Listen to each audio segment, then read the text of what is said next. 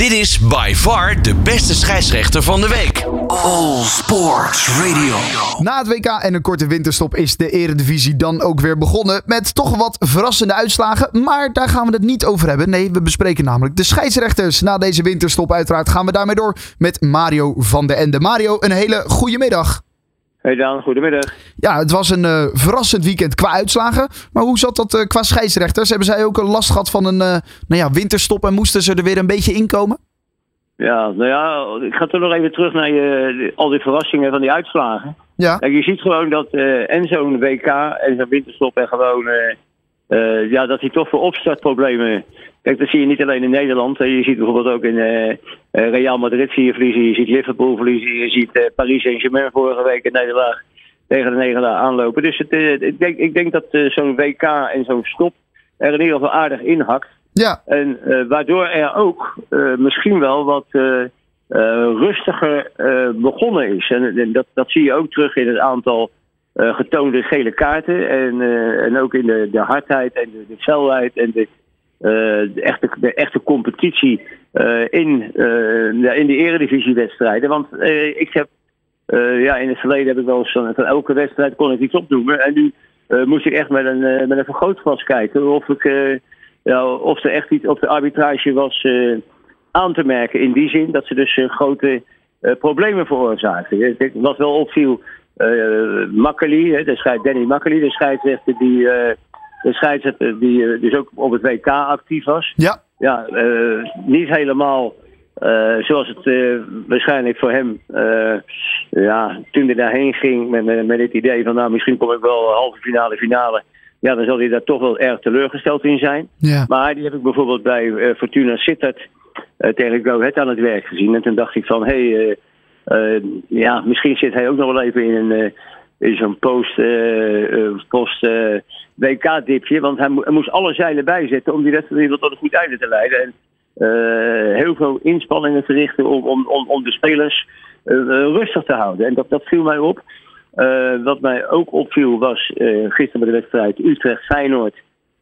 dat het af en toe dan toch wel op, een, op een veldhospitaal leek. heel veel spelers met hoofdwonden. Waar, uh, toch wel wat losse elleboogjes en, uh, ja, en, wat tikjes uitgedeeld werden. En maar ja, dan vind ik het ook verbazingwekkend dat, uh, ja, dat scheidsrechter Nijhuis die daar die wedstrijd floot. En, nogmaals, het is, het is niet ontspoord, maar dan hoor ik al commentatoren zeggen van ja, we kunnen vandaag alles verwachten, want Nijhuis fluit. Dan denk ik ja, volgens mij is, is een scheidsrechter nog steeds om, om de spelregels te hanteren zoals iedereen dat moet doen. En, ja, dan, dan is het een soort vrijbrief van, nou ja, Nijhuis, laten we het dan even lekker allemaal uh, ja, tot, tot over de grens trekken.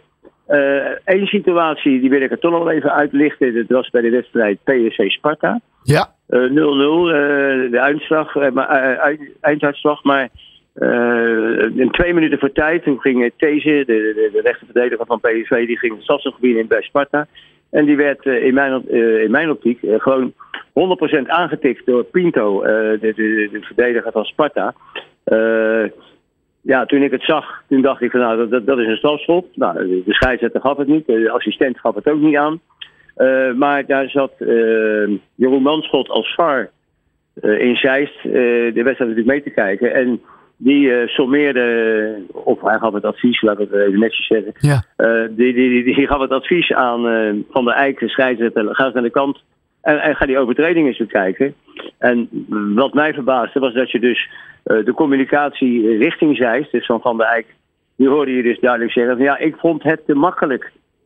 Ja, toen dacht ik bij mezelf, ik vond het te makkelijk. Er staat in de spelregels dat als er contact is, ook na een onvoorzichtige overtreding, dan is het gewoon een strafschop in het, in het. En toen dacht ik van ja, dit, ja, uh, hier begreep ik niks van. Uh, wat mij dan wel opvalt, is dan na afloop dat in, uh, heel, op heel veel media of social media kanalen wordt gezegd wel een les van de scheidsrechter om de VAR te overroelen. Of wat een persoonlijkheid. Of geweldig dat hij deze beslissing naast zich neerlegt. Want de overtreding is veel te licht. En in de, in de slotfase van de, van de wedstrijd om een penalty te geven. Ja, dan denk ik, ja, als, als je zoiets blijft roepen, dan, ja, dan vraag ik me wel eens af. hebben nou al die mensen die dat roepen eh, verstand van, van de spelregels? Want ja, ik dacht bij mezelf, is nou die scheidsrechter zo eigenwijs? Of, eh, of snapt hij gewoon niet dat het een strafschop is? Maar het was kan- natuurlijk geen hele harde tackle.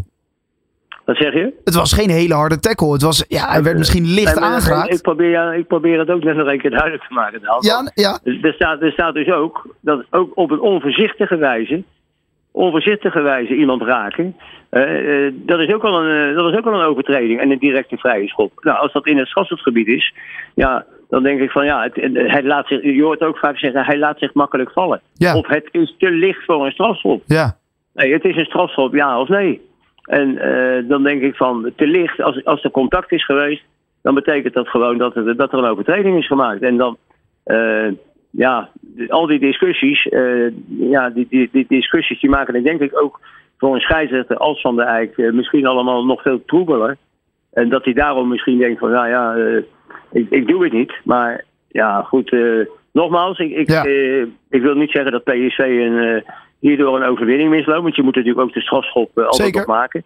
Maar dat ze er een verdienden, dat, dat vond ik wel. En ik vond het dus ook een, een zeer terecht advies van Manschot als VAR...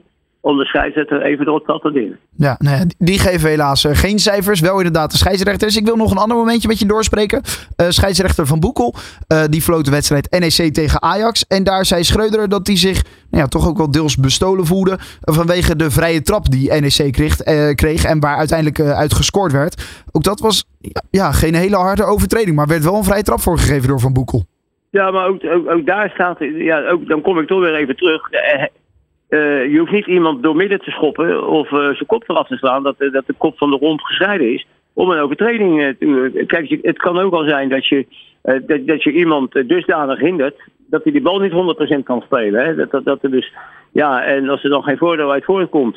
dan mag je hem terugfluiten en dan mag je inderdaad een, een, een vrije schop geven. Dus in dat opzicht Ja, een terechte en- vrije trap. En, en in deze situatie, kon, ik, ik kon daar niks vreemds aan vinden. Anders had ik hem waarschijnlijk al gelijk meegenomen in, de, ja, in mijn beschouwing van daarnet. Ja, oké. Nou ja, dan eh, is eh, Van Boekel eh, er netjes doorheen. Gaan we kijken wie de beste scheidsrechter was dit weekend.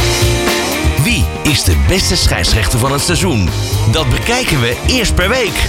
Dit is by far de beste scheidsrechter van de week. Met Mario van den Ende. Nou, zeg het maar Mario. Wie vond jij dit weekend de beste scheidsrechter van de week? Nou, het is eh, Martins, de scheidsrechter die... eh, ja, je had het over verrassende wedstrijden en uitslagen. Maar dit vond ik dus eh, ook wel een hele verrassende. Dat, eh, dat Cambuur Volendam 0-3. Ja. Ja. Ja, daar, daar zag ik hem fluiten. En ja, dat was eigenlijk... ja, hij liep daar op, op, op een gedegen wijze doorheen. Vooraf dacht ik van... Hey, een toch wat meer... ja, een onervaren scheidsrechter... eh, die zo'n eh, belangrijke degradatiewedstrijd mag fluiten. Zeker. Maar hij, hij heeft, hij heeft zich er in ieder geval goed doorheen geslagen. En eh, wat dat betreft, eh, deze keer mag hij eh, ja, bij het koffieautomaat eh, mag hij mag hij even zeggen dat hij eh, deze titel voor, eh, voor, voor een uurtje mag dragen. Ja. Precies, oké. Nou, dat is in ieder geval mooi. Martens die heeft hem op zijn naam staan met een 6 en een half. Eh, de andere cijfers die kunnen we allemaal terugvinden op de website later vanmiddag van Ja, uh, zit allsportradio.nl. allemaal, het zit allemaal een beetje in die richting Het zit- het- keer. het zit heel dicht bij elkaar. Maar, maar, maar ook een aantal... Ja, dat zeg ik. Door de mand eh, viel ook eigenlijk niemand. Alleen die van de Eijk, dat denk ik... Kijk nog een keer goed terug naar, naar die situatie bij PSV. En, eh, en ga dat dan eens een keer heel objectief bekijken. Nou, Ja. Ik denk dat als hij dit eh, interview hoort, dat hij dat eh, zeker nog een keertje gaat doen. Eh, voor nu, eh, Mario, dankjewel. En eh, we spreken je volgende week weer. Ja, volgende week. Maar we hebben eerst natuurlijk nog een heel druk, eh, druk schema van de week met, eh, met alle bekerwedstrijden die er op ons afkomen. Dus voetbal genoeg deze week. Kijk, daarom. Dat is mooi. Mario, veel plezier daarbij. Oké, fijne uitzending. Dit is by far de beste scheidsrechter van de week. All Sports Radio.